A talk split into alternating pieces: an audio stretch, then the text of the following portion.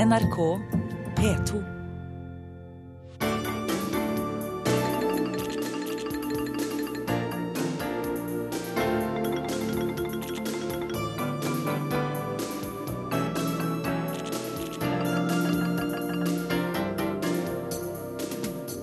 Det er 100 år siden skuddene i Sarajevo. Vi har møtt nevøen til mannen som startet første verdenskrig.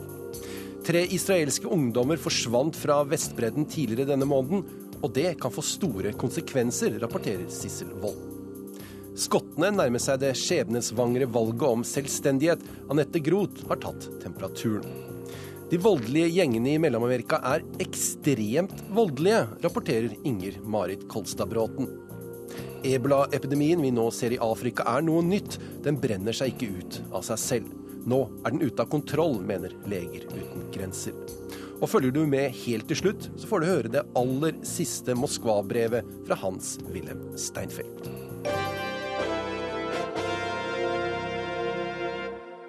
Ja, velkommen til denne utgaven av Verden på lørdag, og vi begynner langt tilbake i tid. For omtrent 19 minutter og 100 år siden falt de fatale skuddene i Sarajevo. Erkehertug Frans Ferdinand levde i noen minutter. Omtrent nå, for 100 år siden, døde han. Før det hadde han bønnfalt ektefellen Sofia om å ikke dø.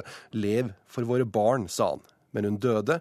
Hennes dødskamp var noe av det siste Frans Ferdinand så.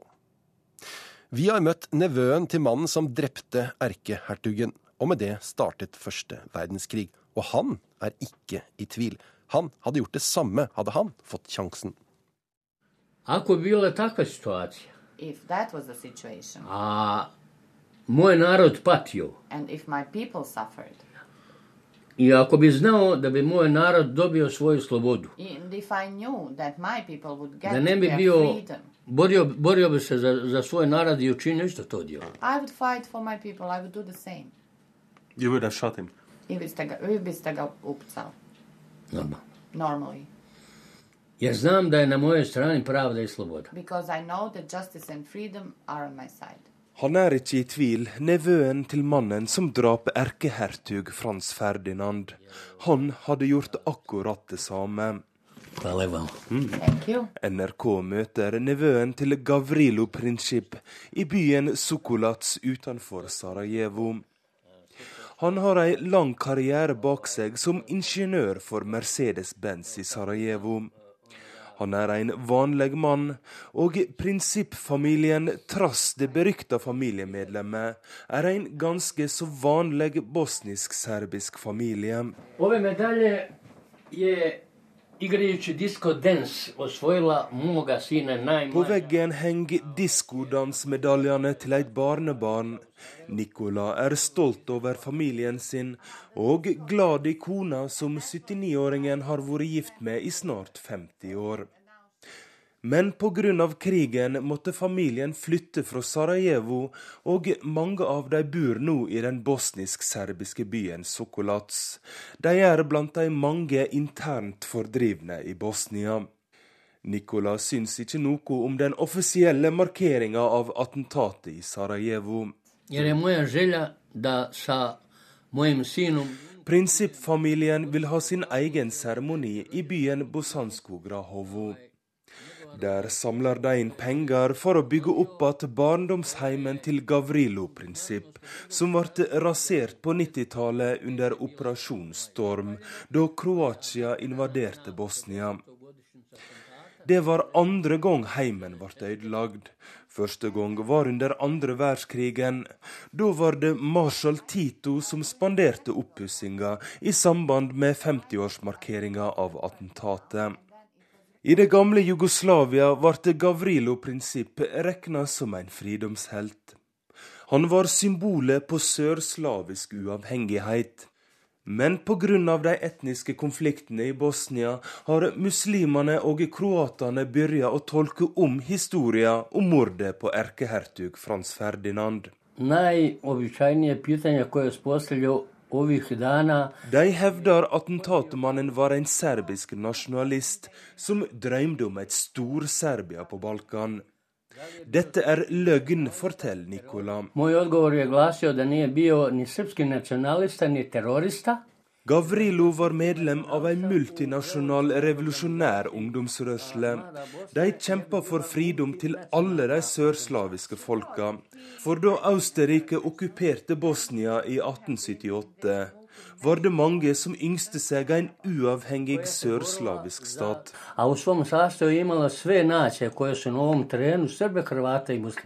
Men hvem var det som hjalp disse attentatmennene med våpen og opplæring? E, ruka. Det var den serbiske organisasjonen Svarte Hand, sier Nikola. Hvem det var som sto bak dem igjen, er uklart. Var det den serbiske regjeringa, politiske rivaler av erkehertug Frans Ferdinand i Austerrike, eller andre krefter i Europa som yngste en krig? Uansett, familien til Gavrilo Prinsipp er svært stolte over slektningen sin. I. De synes det er trist. Han døde av tuberkulose i et fengsel i Tsjekkia under første verdenskrigen. For han fikk aldri se det forente Jugoslavia som han var med på å skape. Nikola møtte aldri den berømte onkelen, men han kjente foreldra godt. Mora Maria snakka mye om han, forteller han. Je kazao da je to bio divan mladić, povučen, pametan i da je živio samo u svijetu knjiga i ideja. Gavrilo var en sjenert ung mann, veldig intelligent, og han levde seg sterkt inn i bøker og ideer. Han angra veldig på at han drap hertuginne Sofie, som var gravid under attentatet. Men han angra aldri på at han drap Frans Ferdinand, for dette var okkupasjon, og hertugen, han var fienden. A za Franca Ferdinanda nije žalio jer to je bila okupacija, on je bio njihov država. He was not sorry for Franz Ferdinand because it Du hadde vel heller ikke likt om utenforstående kom til ditt land og stal alle naturressursene dine, sier Nicola Prinsipp. Nå blir historia tolka baklengs, og vi serbere blir gjort til syndebukker for første verdenskrigen. Det må være den første krig i verdenshistoria der versjonen til taperne dominerer. Men Nicola Prinsipp er ingen bitter mann. Han har stort sett hatt et godt liv. Han er mer bekymra for ungdommen.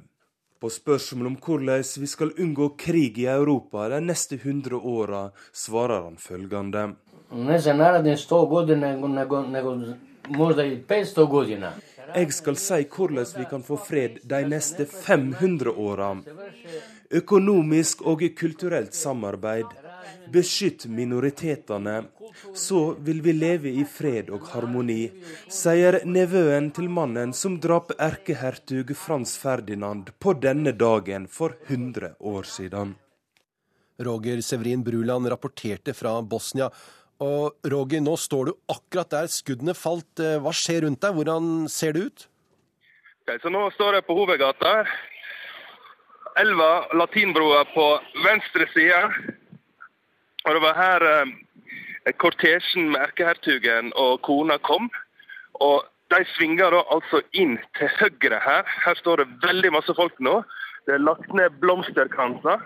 Og det var her da kjøretøyet kjørte inn, for sjåføren hadde ikke fått vite at, eh, at programmet var endra. Det var jo ei bombe som var sprengt tidligere på dagen. og Det var mange skadde på sykehus.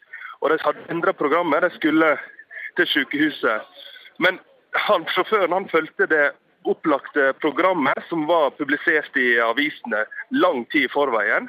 Så han hadde bare stilt seg opp på gatehjørnet her, det museum her nå. Han sto da, når de svingte inn her, så sto han i forhold til de eh, på høyresida av bilen, på fortauet. Det er snakk om fire-fem meter bort på kjøretøyet. Han avfyrte to skudd.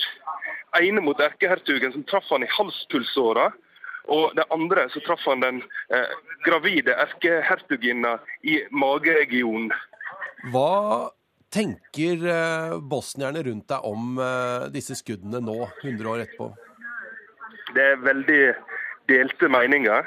Eh, Da det var Jugoslavia, så ble det jo eh, denne her eh, Gavrilo prinsippet regna som å være en fridomshelt som var med på å samle søreslaverne.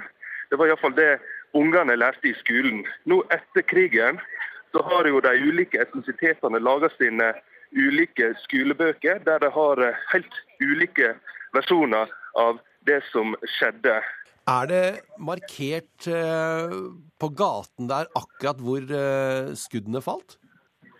Ja, før krigen så var det eh, fotsteger var markert, så du kunne stå i dem. Og det var jo vanlig for jugoslavisk ungdom å komme hit på skoletur og stå i disse fotstegene og late som de skjøt eh, erkehertug Frans Ferdinand. Disse her fotstegene ble ødelagt under krigen her i Bosnia. Og de har rekonstruert dem, men det her museet er jo en øvelse nå i politisk korrekthet. Så det, fotstegene står veldig fint plassert innenfor inngangen. Så det er ingen lenger som står her og poserer sånn som Gavrilo Prinsipp Takk til deg, Roger Severin Bruland i Sarajevo. Og velkommen til deg, Øystein Sørensen, professor i moderne historie ved Universitetet i Oslo. Kan du fortelle meg hvilke spor vi nå ser etter den eh, første verdenskrig? Ja, første verdenskrig betydde at uh, flere store imperier falt sammen. Og det som kom isteden, det var dels nye nasjonalstater. Men så kom det også andre nye ting som vi merker veldig tydelig fortsatt en dag i dag, nemlig noen helt nye typer regimer. Det vi kan kalle totalitære regimer. Kommunistregimet i Sovjet, fascismen i Italia, nazismen i Tyskland. Og i tillegg noe som er veldig aktuelt akkurat i våre dager, islamismen. Så islamismen kom med første verdenskrig. Jeg trodde dette var noe som eh, hadde ligget der i flere århundrer i forkant? Ja, den har naturligvis uh, svært gamle røtter. Men islamisme i moderne forstand er også den et produkt av første verdenskrig. Fordi det ottomanske riket, som vi ofte kaller Tyrkia for enkelhets skyld, det var noe av det som falt sammen.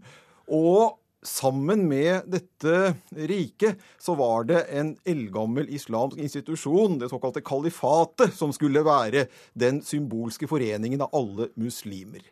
Dette kalifatet ble formelt oppløst i 1924 av det nye sekulære regimet i nasjonalstaten Tyrkia. Og den første moderne islamistiske bevegelsen, Det muslimske brorskap i Egypt, ble stiftet i 1928 og hadde som sin første post på programmet å gjeninnføre kalifatet. Og da ikke det som hadde vært, men et nytt, ideelt kalifat som egentlig skulle strekke seg over hele verden. Hvorfor var det akkurat første verdenskrig som ga opphøv til disse ismene? Eller var det bare en del av tidsstrømmen? Ville det skjedd uansett? Jeg tror ikke det ville skjedd uansett. Første verdenskrig var en helt utrolig katastrofe. Og ble opplevd av svært mange mennesker som sammenbruddet for eh, hele sivilisasjonen, for eh, utviklingen, for alt som så ut til å utvikle seg i riktig retning og bare gå bedre og bedre.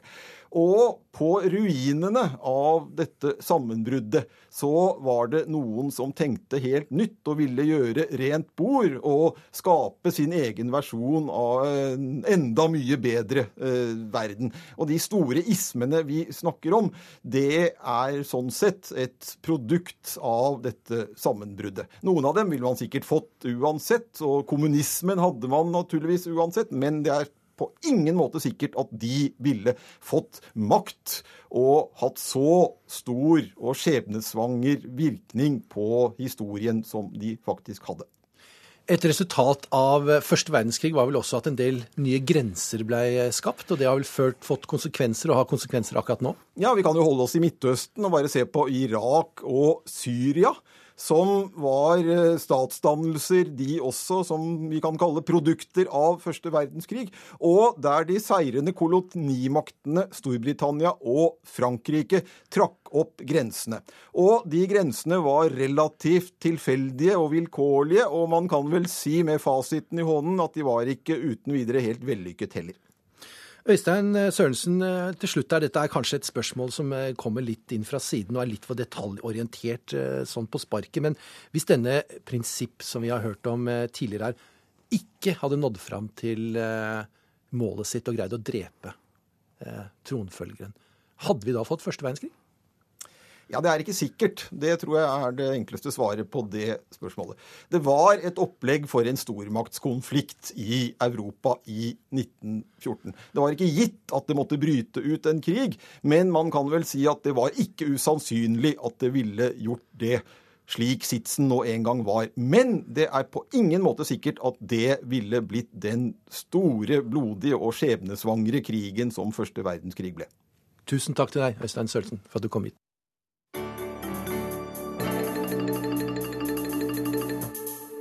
Den israelske hæren har lett høyt og lavt etter de tre bosetterungdommene som forsvant fra Vestbredden 12.6, men uten resultat foreløpig.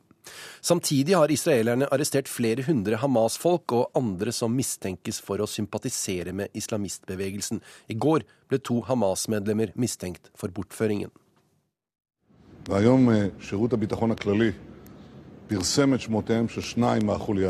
Shin Bet har offentliggjort navn på to Hamas-medlemmer mistenkt for å stå bak kidnappingen, sier Israels statsminister Benjamin Netanyahu.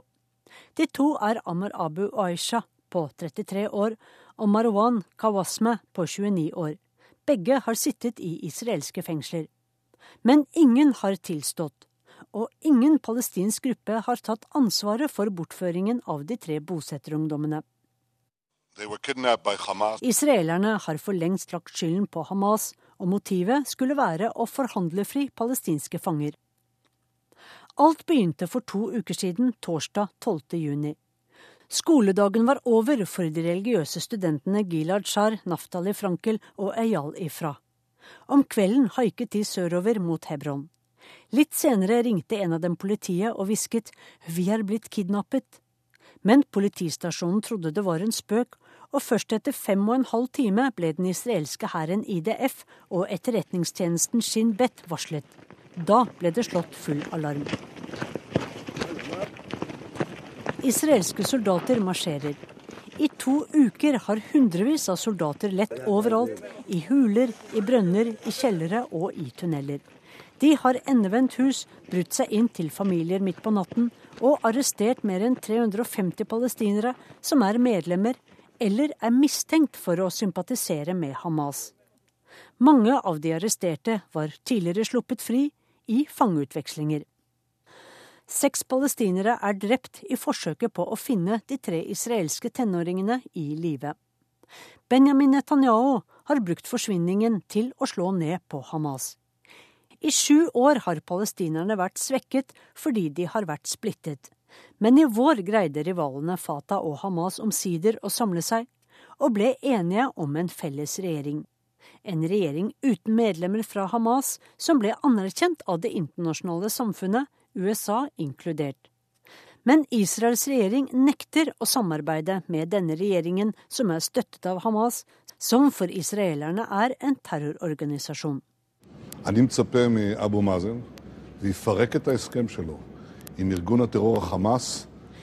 forventer at statsminister Mahmoud Abbas nå oppløser samlingsregjeringen og avlyser samarbeidet med Hamas, sa Benjamin Netanyahu i går.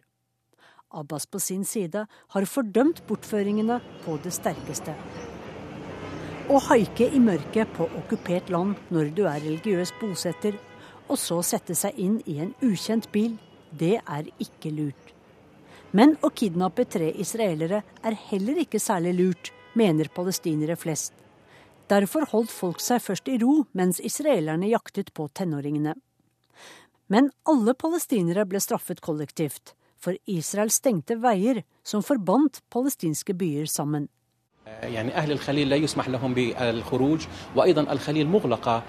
Folk fra Hebron får ikke reise inn eller ut av byen. Dette kveler handelen vår, og vi taper millioner av sjekkel hver dag, sa lederen for Hebrons handelsorganisasjon, Ghazi al-Herbawi, til Reuters. Og da sivile palestinere ble skutt og drept av IDF, reagerte FNs sikkerhetsråd. The rising death toll as a result of Israeli security operations in the West Bank is alarming.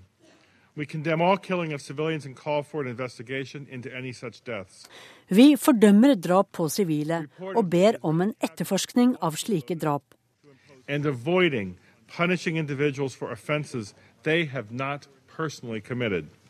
og vi krever at internasjonal lov respekteres og at kollektiv straff unngås, sier Jeffrey Feltman, undersekretær for FNs politiske avdeling.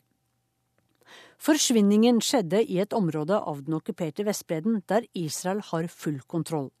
I et område der Shin Bet har så mange informanter, spør kritikerne om hvor det sviktet. Da soldaten Gilad Shalit satt fanget fem år i Gaza, greide ikke Shin Bet å finne ham, til tross for at Gaza er et lite område og etterretningen har tusenvis av informanter. Men israelere kommer ikke inn på Gazastripen. Helt annerledes er det på den okkuperte Vestbredden, der en halv million jødiske bosettere holder til, og der Shin Bet kommer til overalt og har titusenvis av spioner og kollaboratører. I tillegg samarbeider israelske og palestinske sikkerhetsfolk tett, og har gjort det i mange år. Men etter de to siste ukene er samarbeidet mellom Israel og palestinske sikkerhetsstyrker om mulig blitt enda mer omstridt blant palestinerne. Den enes terrorist er den andres frihetskjemper, heter det. Målet for sikkerhetssamarbeidet er å hindre palestinske angrep mot israelere og bosettere som bor ulovlig på Vestbredden, mens ingen beskytter sivile palestinere mot israelske angrep.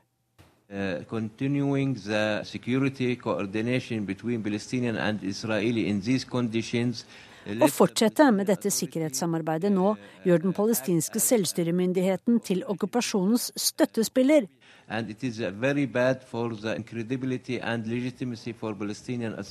Noe som er svært alvorlig for troverdigheten og legitimiteten til vår regjering, sier den palestinske journalisten Hani al-Masri til Reuters. Hvor de tre bosetterstudentene er blitt av, er et mysterium. Men én ting er sikkert, både israelere og palestinere håper intenst at de tre vil bli funnet i live. Og vi palestinere vil miste mye internasjonal støtte om de er drept, sier den palestinske analytikeren Nabil Kokali til Israel Media Line. Sissel Wold rapporterte. Så skal vi til Skottland. For snaut tre måneder før folkeavstemning om uavhengighet vil et flertall av skottene fortsatt være en del av Storbritannia. Men eh, meningsmålingene viser at stadig flere skotter kan tenke seg å stemme for selvstendighet. Nå er valgkampen i full gang frem mot folkeavstemningen 18.9, og Anette Groth har laget denne reportasjen. I Radio Skottland går det ikke en dag uten innslag om selvstendighet. Og websiden til avisen The Scotsman driver nøyaktig nedtelling og legger ut meningsmålinger. 85 dager er det igjen, og 45 sier for øyeblikket ja til selvstendighet. Og selv om over 50% fremdeles vil bli i den britiske unionen, går pilene riktig vei for det skotske nasjonalistpartiet. Lederen Alex Hammond ser slutten på det han kaller en hundreårig historie.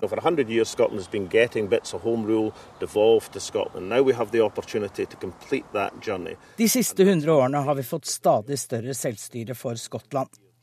Med full uavhengighet fra Storbritannia ser vi slutten på den reisen, sier lederen for SMP, det skotske nasjonalistpartiet, Alex Hammond.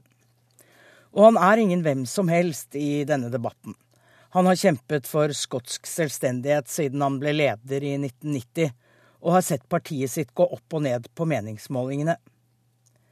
Men i 2011 fikk partiet flertall i det skotske parlamentet, og Salmon, som er parlamentets førsteminister, grep muligheten for en folkeavstemning. This is a special moment, a moment in history, and I intend to enjoy the campaign. I intend to put everything, heart and soul, into this campaign, as will all of the people across the parties in the Yes campaign. We're all going to do that, and we'll try and take that case for a prosperous economy and a just society.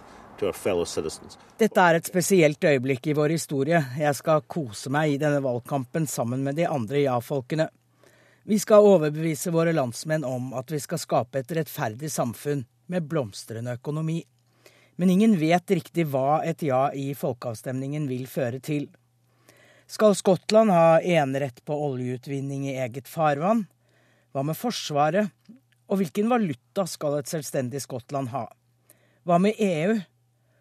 Ja, uansett blir det langvarige forhandlinger. Bedre sammen, heter nei-bevegelsen.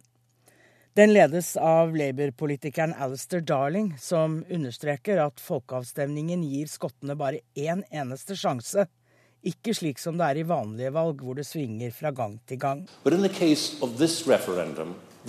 No on offer. Only a one-way ticket, which would be irreversible. The opportunity to think again would not arise. Sier vi ja i folkeavstemningen, er det ingen vei tilbake. Vi får ikke mulighet til å ombestemme oss, sier nei-bevegelsens Alistair Darling. Skottene har ennå snaue tre måneder på seg. Men skepsisen til myndighetene i Westminster er stor, og folk som Jim Farkerson drømmer om større selvråderett. But I have always believed that Scotland would be far better off on its own Skottland har det bedre alene. Vi vil gjøre våre egne valg, sier Jim Farkerson. Men hva om nei-siden vinner og unionen med Storbritannia fortsetter? Ja, det vil i alle fall være et enormt nederlag for det skotske nasjonalistpartiet. Likevel vil det sannsynligvis føre til noe mer selvstyre for Skottland. For de etablerte britiske partiene, som alle er mot selvstendighet for Skottland, lover å gi skottene litt mer hvis de bare holder seg inne i den britiske unionen.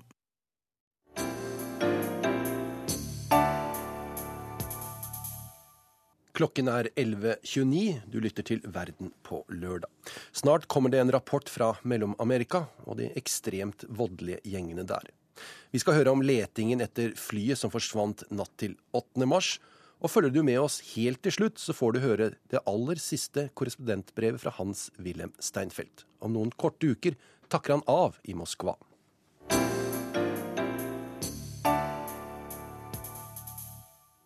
I Honduras flykter folk for å komme vekk fra de ekstremt voldelige gjengene som terroriserer landet.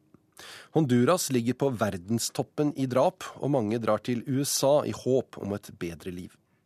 De siste månedene har det vært en dramatisk økning av mindreårige uten foreldre fra Mellom-Amerika som har krysset grensen ulovlig til USA. Me hacen el primer disparo, que me lo pegan en la pierna. De skjøt meg først i beinet, forteller forretningsmannen Federico Agila Colindres til nyhetsbyrået Reuters.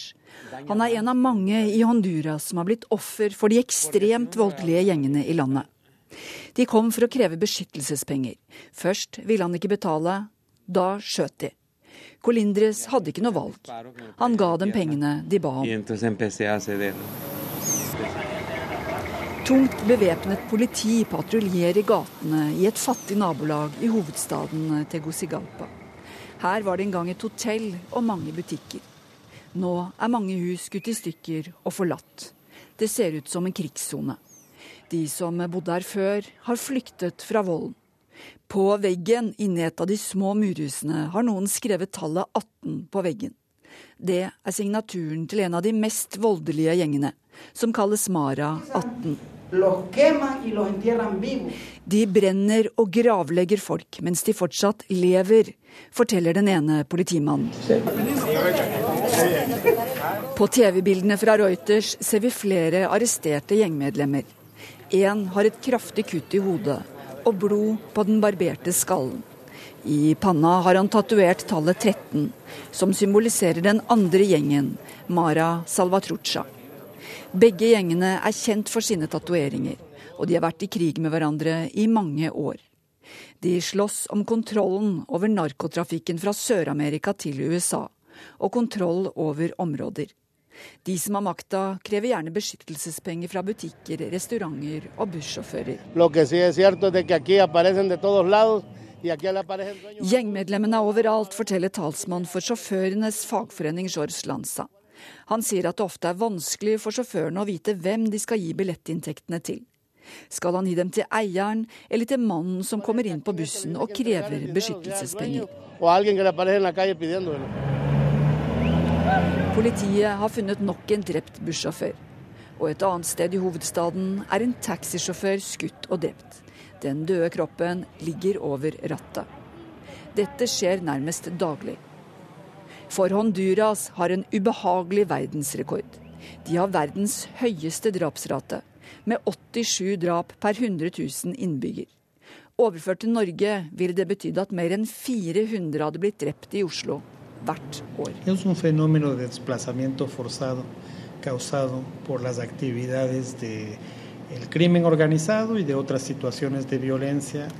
Folk blir tvunget til å flytte pga. den organiserte kriminaliteten og volden, sier representanten for FNs flyktningorganisasjon i Mellom-Amerika, José Javier Samniego. Volden har ført til at rundt 30 000 har forlatt sine hjem for å finne trygghet et annet sted i landet. I tillegg legger trolig rundt 100 000 hvert år ut på den farlige reisa gjennom Mexico og mot USA, i håp om et bedre liv. I Mexico blir mange offer for de voldelige narkotikakartellene, og igjen utsatt for kidnappinger, utpressing og drap.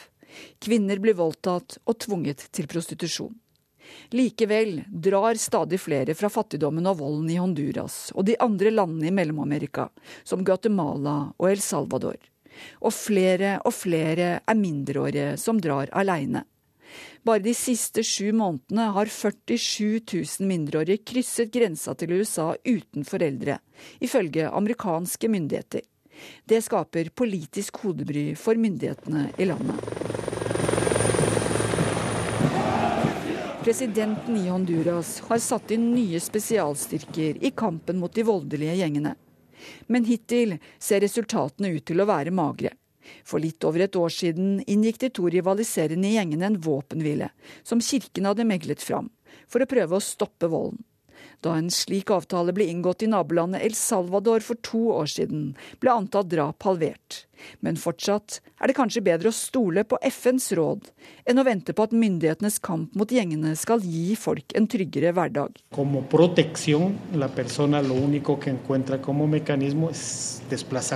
For å redde livet er eneste muligheten å flytte, sier FNs flyktningorganisasjon i Mellom-Amerika. Ja, og ansvarlig for dette innslaget var Inger Marit Kolstadbråten. Og eh, velkommen hit, Benedicte Bull, leder for Norsk nettverk for latinamerikaforskning. Og FN sier eh, her i dette innslaget at den beste beskyttelsen for ikke bli drept, er å flytte. Hvor dramatisk er dette for eh, Honduras? Det er dramatisk for store grupper, særlig barn og unge som er utsatt for daglige trusler og vold eh, i skolesituasjon hjemme i nabolaget sitt, og som har få, eh, få steder å, å, venne seg til for beskyttelse. Eh, gjengene er involvert i politiet. Militæret er i ganske stor grad korrupt, selv om de også er satt inn i sikkerhet i ulike nabolag. Og mange har jo også helt oppløste familier hvor foreldre kanskje er i USA eller andre steder. Er det ikke bare å gi opp, da? Og så si det at ja, nei, greier du ikke å takle den bøllen på skolegården, så må du bare bytte skole, du, som blir mobba. Ja, eh, Det er nok ikke fullt så enkelt. Det er ikke sikkert det er noen særlige skoler å bytte til, og det er ikke sikkert de er noe særlig bedre. Og hvis du blir eh, plukket ut som offer for en av gjengene, altså at man enten prøver å rekruttere, det er jo gjerne det som er eh, resultatet, at de blir rekruttert av gjengene som de først er blitt utsatt for vold fra, så har du ingen steder å rømme. Det er ekstremt vanskelig. Det er forferdelig tragiske historier som disse barna som da rømmer til USA, forteller. Men det er noe som skjer. Gjengene i Honduras de har inngått en våpenhvile. Har det vært vellykket? Nei, den ble jo eh, på en måte forhandlet på modell av den som ble fremforhandlet i El Salvador eh, året før. Eh, der klarte man å redusere drapsratene på, på bakgrunn av den avtalen med eh, ned til en tredjedel av hva det var. Så krøp det sakte, men sikkert oppover igjen. Og så den siste måneden har man på en måte lagt den død, og drapstallene er tilbake der de var. Men eh, i Honduras så fungerte det aldri. Og det er nok først og fremst fordi disse to store gjengene lederne, Mara Salvatrucha og Calle Viesiocho, har aldri vært så dominerende i voldsbildet i Honduras. Der har man i tillegg de meksikanske narkokartellene, man har kriminelle nettverk innad i politi og militære og helt opp på høyt politisk nivå. Og man har eh, private sikkerhetsstyrker som jobber for eh, næringslivet. Så det er så mange andre aktører, så jeg tror aldri man vil kunne oppnå de samme resultatene i Honduras eh, som man gjorde på et tidspunkt i El Salvador. Altså, Så gjengene har altså, beskyttelse av sikkerhetsstyrkene? altså De har kontakter inn der? altså er, Sikkerhetsstyrkene er infiltrert av gjengene? Det har man sett i flere tilfeller, særlig i politiet. Er det, Nå ser jeg at spesialstyrker er satt inn. Det er jo statens eh, ytterligere ytterste spisse maktorgan, og det har ikke vært vellykket. Er det fordi at det, de også er korrumpert? Jeg tror i utgangspunktet altså, eh, Å sette militæret inn mot gjengene det er noe man har gjort helt siden begynnelsen av 2000-tallet, da gjengene ble forbudt og man kjørte en såkalt Manodora-strategi. Eh, da fikk man nok svekket gjengene noe. Og jeg tror men hovedårsaken til at det ikke har vært vellykket, er nok at eh, gjengene fyller et tomrom. Altså De fyller en, en funksjon som familien har hatt. De fyller et, et behov for beskyttelse og tilhørighet hos, hos disse eh, ungdommene og barna. Eh, men, eh, så, så, det er nok hovedårsaken. Og så etter hvert har det også utviklet seg bånd mellom da særlig politi og, og gjengene. Gjenger har vi jo sett mange andre steder i eh, verden også. Hvordan oppsto de egentlig disse, dette gjengmiljøet i Mellom-Amerika? Ja, Det oppsto jo egentlig ikke i Mellom-Amerika. Det oppsto i Los Angeles. Det var altså krigsflyktninger fra borgerkrigen i El Salvador som eh, havnet i fattige områder i Los Angeles. Der eh, kom de i kontakt med, med gjengene som allerede var der. og Det er der navnene kommer fra. Mara Salvatrucha, det var den salvadoranske gjengen. og så var denne 18. gategjengen, som er blitt av Calle Diez Giorgio på spansk, eh, var konkurrenten. Så eh, ble mange av disse ungdommene involvert i kriminell aktivitet. De ble deportert til El Salvador på midten av 90-tallet etter en lovendring i USA.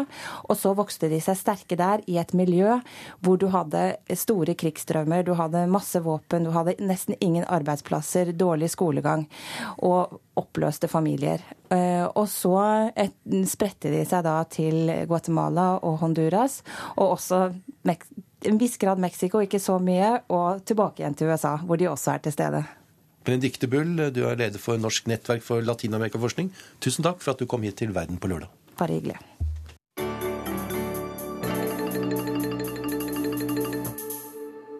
Flere vestafrikanske land opplever nå det som kan bli det verste utbruddet av ebola noensinne. Så langt over 300 mennesker dødd av den svært smittsomme sykdommen i Guinea, Liberia og Sierra Leone. So we're showing them how we dress up, uh, which is a very strict procedure to follow. De kjemper en kamp mot klokka. Et team fra Leger uten grenser instruerer lokalt helsepersonell i Guinea i rutiner som skal sikre god hygiene. Det innebærer å ta på seg beskyttelsesutstyr. En hel rekke av beskyttelsesutstyr. Først en gul dress for hele kroppen, så forklær, sko og hansker. Hodet og skulderpartiet dekkes av en hette, og til sist vernebriller. Ikke én bit av kroppen unngår å bli dekket når man har med en ebolaepidemi å gjøre. I mars ble denne ebolaepidemiens første tilfelle påvist i hovedstaden Conakry, som ligger langs Guineas kyst. Siden da har virussykdommen spredd seg over den sørlige grensen til nabolandene Liberia og Sierra Leone. På litt over tre måneder har den nå tatt livet av over 300 mennesker, ifølge Verdens helseorganisasjon. I tillegg er ytterligere 600 smittet.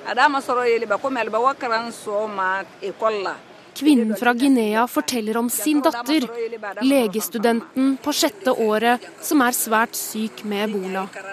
Hun forklarer at hun ikke er sikker på om datteren kan ha blitt smittet i forbindelse med undervisning, eller på sykehuset der hun jobbet ved siden av. Ebola er nemlig en svært smittsom sykdom. Opprinnelsen er kontakt med smittede dyr, men smitten spres effektivt videre mennesker imellom. Det skal ikke mer til enn indirekte kontakt med en smittet persons blod, avføring eller kroppsvæske. Og det gjør at alle steder der større folkemengder samles, kan være potensielle smittefester. Si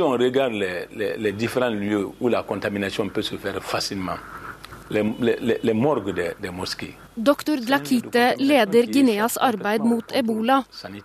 Han forklarte til nyhetsbyrået Reuters i slutten av mai hvor vanskelig sykdommen er å kontrollere. Selv om de har satt i gang smitteverntiltak direkte mot miljøer der de vet det er smitte, så er ikke det tilstrekkelig. Moskeer og busstasjoner er eksempler på steder som har unngått smitteverntiltak der smitten vandrer lett. Leger uten grenser jobber med utvidelse av det midlertidige isolatet de har satt opp ved et sykehus i Guineas hovedstad. Sykdommen er nå påvist på 60 forskjellige steder i de tre vestafrikanske landene som er rammet. Siden utbruddet i mars har sykdommen blitt spredd til et større område, smittet flere mennesker og tatt flere liv enn tidligere utbrudd. Really I.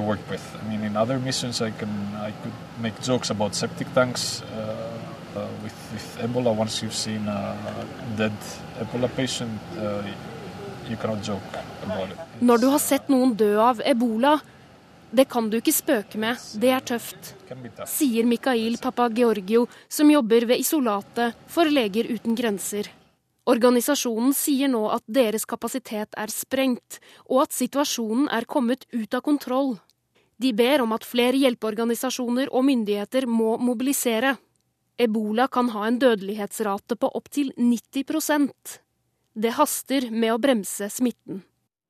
Reporter her var Hilde Sveig Kolstad. Og tidligere i formiddag snakket jeg med sykepleier i Leger uten grenser, Sissel Overvold, som akkurat nå jobber i Sierra Leone med ebola-pasienter. Akkurat her nå så er jeg på eh, et behandlingssenter for ebola som blir drevet av Leger uten grenser her i Kailahun i eh, Sierra Leone. Eh, vi vet at det er veldig mange syke folk både hos oss her og i landsbyene rundt i området her.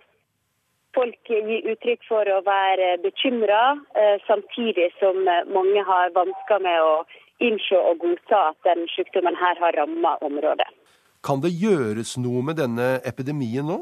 Det kan absolutt gjøres noe. Eh, vi gjør alt vi kan for å, å bremse og forhindre at den fortsetter å spre seg. Men vi trenger også at eh, flere kommer på banen, både myndigheter og andre organisasjoner. Eh, da gjelder det først og fremst for å undervise de som bor her, for å forstå alvoret i det som skjer. Slike ebolaepidemier det har vi jo sett før, og de har det med å brenne seg ut uh, uten at det er altfor mange mennesker som uh, blir smittet. Uh, vil ikke det vært situasjonen nå også? Sannsynligvis så er grunnen til at det her sprer seg over såpass fort og over store områder, er ja at folk er mer mobile. Tidligere utbrudd har kanskje skjedd mer i små landsbyer veldig langt borte fra, fra byer. Her er byer ramma. Eh, folk er mobile i det området her. De har spesielle begravelsesritualer, som kanskje er en av hovedgrunnene til at dette sprer seg så raskt. Der de bl.a. tar på pasientene, nei, tar på de døde kroppene, de vasker dem osv. Og dette er en måte som viruset sprer seg veldig lett på. Vi hørte sykepleier i Leger uten grenser, Sissel Overvold, rapportere fra Sierra Leone.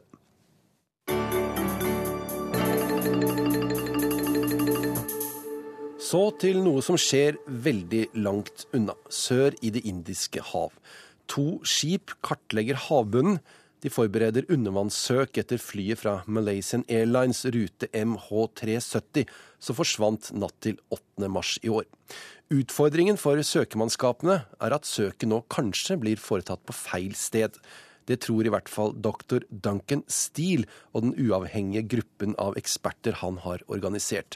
Jeg har snakket med dr. Steele. If we're correct, well, they're searching about a thousand kilometers away from where we think it's most likely that the aircraft eventually crashed into the Indian Ocean. Again, um, we think that, in fact, uh, we have a better analysis than then, a, a viable uh, analysis based upon various lines of information. It's consistent with the fuel consumption of the aircraft and therefore how far it could have gone. And as I said, it is a uh, strictly mathematical analysis of the data which are available. And as I say, we believe that, uh, that we have a, a more viable uh, eventual point for uh, the aircraft. De mener altså at det riktige området å søke i er omtrent 1000 km lengre sørvest enn der det årelange søket nå skal begynne fra august av. Dette er bare en mening, og det er tusenvis av meninger der ute om hva som har skjedd med MH370, og hvor flyet er nå. De siste månedene har vært en fest for raringer og konspirasjonsteoretikere, men gruppen som nå kommer med den uavhengige rapporten, virker som de har CV-ene i orden. Duncan Steele er en meget anerkjent astrofysiker med dyp kjennskap til satellittbaner. Han arbeider blant annet for NASA. Med på laget har han matematikere, radiokommunikasjonseksperter og folk fra andre yrkesgrupper som kan være nyttige i dette søket. Det hele begynte med nysgjerrighet fra STIL. Um, personally, just thinking, well, it's a as you say, an intellectual, intellectual satisfaction. Can I calculate correctly the orbit of the satellite? Uh, can I work out where it was at different times?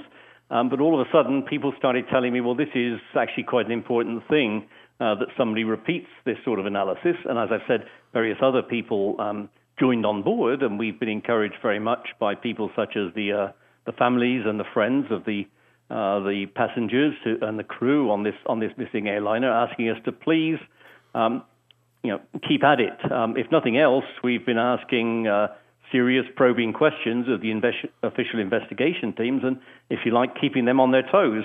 Gruppens bidrag er på to områder.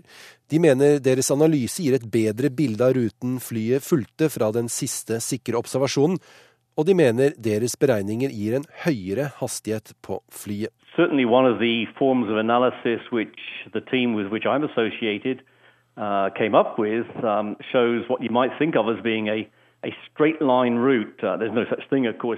Den store forskjellen kommer fra hastigheten til flyet. Steele sier han ikke forstår hvorfor myndighetenes eksperter kommer med at flyet fløy så sakte.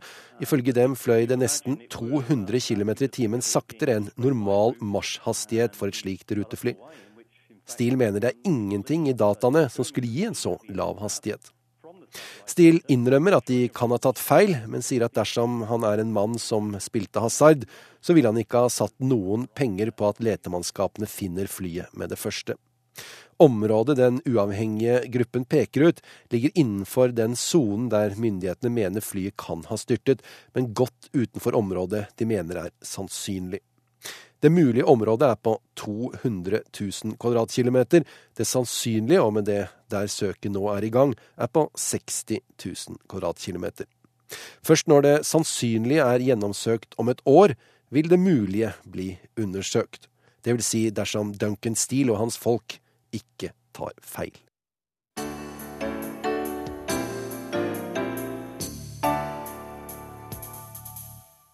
Så korrespondentbrevet, som er postlagt i Moskva denne uken, og er litt spesielt. For det er avskjed med Hans-Wilhelm Steinfeld. Fire ganger har han hatt tjeneste i Moskva, men selve kontoret ble åpnet i 1968. Den gangen var klimaet utrivelig og sammenlignbart med klimaet mellom øst og vest nå, etter invasjon og anneksjon av Krim. Tor Strand var NRKs første korrespondent her i Moskva. I alt har kringkastingen skiftet korrespondenter her i den russiske hovedstaden 14 ganger på 46 år. Når gjester kommer inn i forgangen her på NRKs Moskva-kontor, henger de der alle sammen i glass og ramme på veggen. Mitt eget bilde ble hengt opp fire ganger. Det er folk som ikke gjenkjenner fjeset mitt fra første gang da jeg kom hit som korrespondent i 1980. Min gamle avdøde mor spøkte alltid med at jeg måtte ha gjort noe steika galt, siden kringkastingen alltid sendte meg til Sibir, som hun valgte å ordlegge seg. I alt ble det 18 leveår på meg her i Moskva, studietiden inkludert, fordelt over fem perioder, fire av dem i NRKs tjeneste. Russland ble mitt livs interesse, men jeg har aldri tilbrakt én feriedag i dette landet. Det gjorde det mot sjefen for Eurovisjonen, min venn belgieren Dirk, som fortsatt arbeider her i Moskva. På begynnelsen av 1990-tallet kjøpte Dirk seg en villa i en palmeskråning opp fra Svartehavet i Aprasia. Så kom borgerkrigen der. En artillerisalve traff hytten til Dirk, drømmestedet for feriene hans. Da går du virkelig forgjeves til forsikringsselskapet med den regningen. Hvorfor ble jeg så opptatt av Russland at jeg valgte russisk på gymnaset på Bergen katedralskole, før det gikk slag i slag og jeg utdannet meg til lektor i sovjetrussisk historie? For det første var det kort sagt nysgjerrighet på en del av røttene på farssiden min. Min farfar Jakov var født i det russiske imperium, fortalte hans venn Harry Koresinski til meg, og min oldefar kom her fra Russland til Trondheim, hvor han var blant de tre som grunnla synagogen i byen. For det andre var jeg som ung 68 ganske lei datidens munnhell om at alt USA gjorde var bra, mens alt Sovjetunionen gjorde, ja, det var galt. Jeg fikk modifisert disse dissidenttankene mine ganske raskt, for jeg havnet i fengsel i Praha på ettårsdagen for den omtalte invasjonen der. En yngre bekjent av meg, Bent Sofus Tranø, som opprinnelig var VG-journalist, ble maktutreder og sa en gang til meg hadde jeg fått dyrke min livsinteresse som kringkastingen lot deg dyrke din russlandsinteresse, Hans Wilhelm, så skulle jeg jammen blitt værende i journalistyrket, jeg også. Var det omkostninger? Å ja, for mine fire barn var det det. Min eldste datter Hilde, som er diplomat, kysset meg god natt via TV-skjermen fordi pappa sjelden var hjemme. Min andre datter Karen, som er kaospilot, ringte en gang fra Shanghai, der hun jobbet, og sa jeg gjenkjenner min barndoms Moskva her. Min tredje datter Katrine, som arbeider på Norges ambassade i Budapest, trodde som liten pike at det var Mikhail Gorbatsjov som var pappas beste venn. For hver kveld Katrine spurte min kone Julia hvor pappa var, lød svaret hos Gorbatsjov i Kreml, og da så, tenkte barnet. Min sønn Peter får oss til å skratte latter når han imiterer russernes talemåter. Han hadde også sin tidlige barndom og ungdomsskolen her i Moskva. Min kone Julie har delt min store russlandsinteresse. Hun har bodd her tre perioder med meg, snakker russisk flytende og er en stor beundrer av russisk kultur, særlig litteraturen. Julia prøver å stage min samfunnskritiske holdning ved å minne om Lev Talstojs fantastiske roman 'Krig og fred', som hun har lest åtte ganger. Jeg svarer at det er noe mer krig enn fred her østpå, da. I dag skjønner ikke russerne at hele Øst-Europa og de andre 14 sovjetrepublikkene utenfor den russiske fortsatt er merket av det russiske overherredømmet. I de baltiske statene, Ukraina, Moldova og alle de gamle Warszawapak-statene diskuteres det ikke engang at russerne ble opplevd som undertrykkere øst for det jernteppet som russerne bygget. Vi nevner bare i fleng Berlin-blokaden i 1948, arbeideroppstanden i Øst-Berlin 1953, folkeoppstanden i Ungarn 1956, invasjonen av Tsjekkoslovakia i 1968 og den militære unntakstilstanden i Polen i 1981. Det var alt sammen russernes ansvar.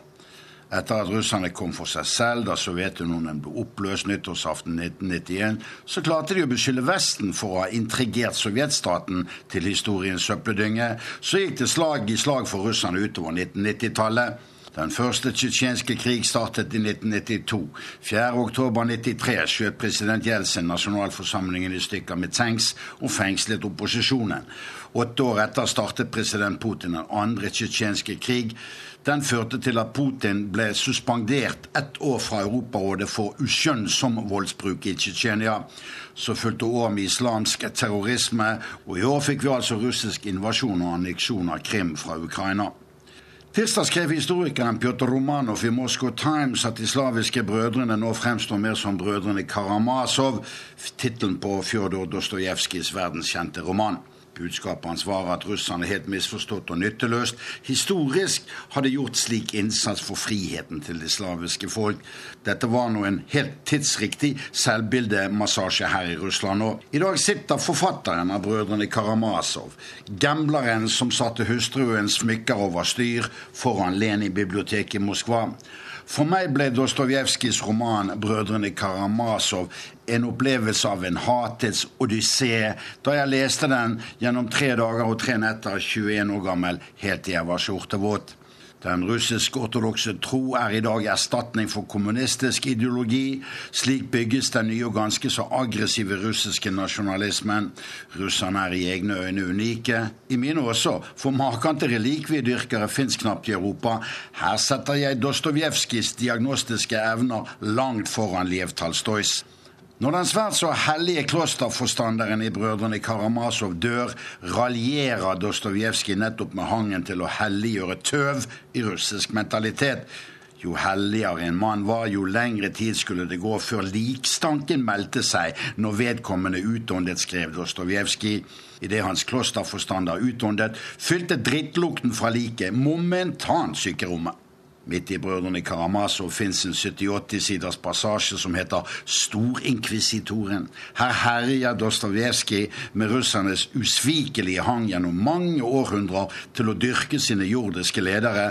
Vladimir Putin er bare den siste i rekken av mange. Fjodor Dostojevskij lar Kristus vende tilbake til jorden på 1500-tallet. Åstedet er inkvisisjonen Spania, og straks tar biskopene Jesus til fange. De tror på Jesus når han sier at han er Guds sønn, men det velger bispene å se bort fra fordi biskopene mener de har fullmakt fra hans far til å styre verden. Storinkvisitoren var utgangspunktet for en berømt vits i sovjettiden. Lenin vendte tilbake til Moskva under Brezjnevs 18 år lange stagnasjonsæra. Da Lenin så styringsresultatet, pigget han av fra Kreml, gjemte seg i hovedstaden og ble straks etterlyst av politiet. Forgjeves. Etter tre dager ringte Lenin til Brezjnev fra en telefonkiosk, presenterte seg og sa du, vi begynner på nytt. Ja, det russiske folk kunne trengt blanke ark med fargestifter til i sin grå tilværelse. Min sympati går særlig til de 25% som lever under grensen for eksistensminimum. Den delen av det russiske folk fikk sin litterære talsmann i Nikolai Gogol, og særlig i hans novelle 'Kappen'. Pga. hardrådet her i Russland ble russerne kjappe til å vende kappen etter vinden. Men under Gorgos kappe finner vi den vesle byråkraten Akakia Kakic. Han ranes for sin kappe som har fått pelskrage, og mannen går fra vett i kampen for å få den tilbake, skaffe seg sin rett. For rettsløsheten var, er og vil lenge forbli det grunnleggende problemet i det russiske samfunnet. Der rett skulle råde, råder vilkårligheten i moder Russland, hvor himmelen er høy, horisonten vid og vannstyret grenseløst etter siviliserte vesteuropeiske og moderne mål. Så dere får ha meg unnskyld, fordi dette korrespondentbrevet mitt ble så politisk nå når jeg endelig tar avskjed med Moskva. Denne byingen forlater uten merke for sitt liv, for å låne ord fra Knut Hamsun, som russerne fortsatt setter så høyt. Da får jeg vel kvittere med Russlands kanskje mest kjente lyriske strofe, som Fjodor Tsjutsjev skrev i 1866, altså for snart 150 år siden, da Russland var midt i perioden hvor tsaren opptrådte som Europas illiberale gendarm, slik den tidligere sikkerhetspolitimannen Vladimir Putin gjør det i dag. For jeg har selv oversatt diktet til norsk, leste før her på NRK, men minner jeg henne om det igjen. Forstanden fatter Russland ei, og tenker i vanlig mål å nei, det er et eget land må vite, på Russland må man bare lite. Hans-Wilhelm Steinfeld, Moskva. Denne utgaven av Verden på lørdag er over, men vi er her hele sommeren, så vi høres. Teknisk ansvarlig Lisbeth Sellereite. Skript Lars Christian Rød. Og i studio Halvard Sandberg.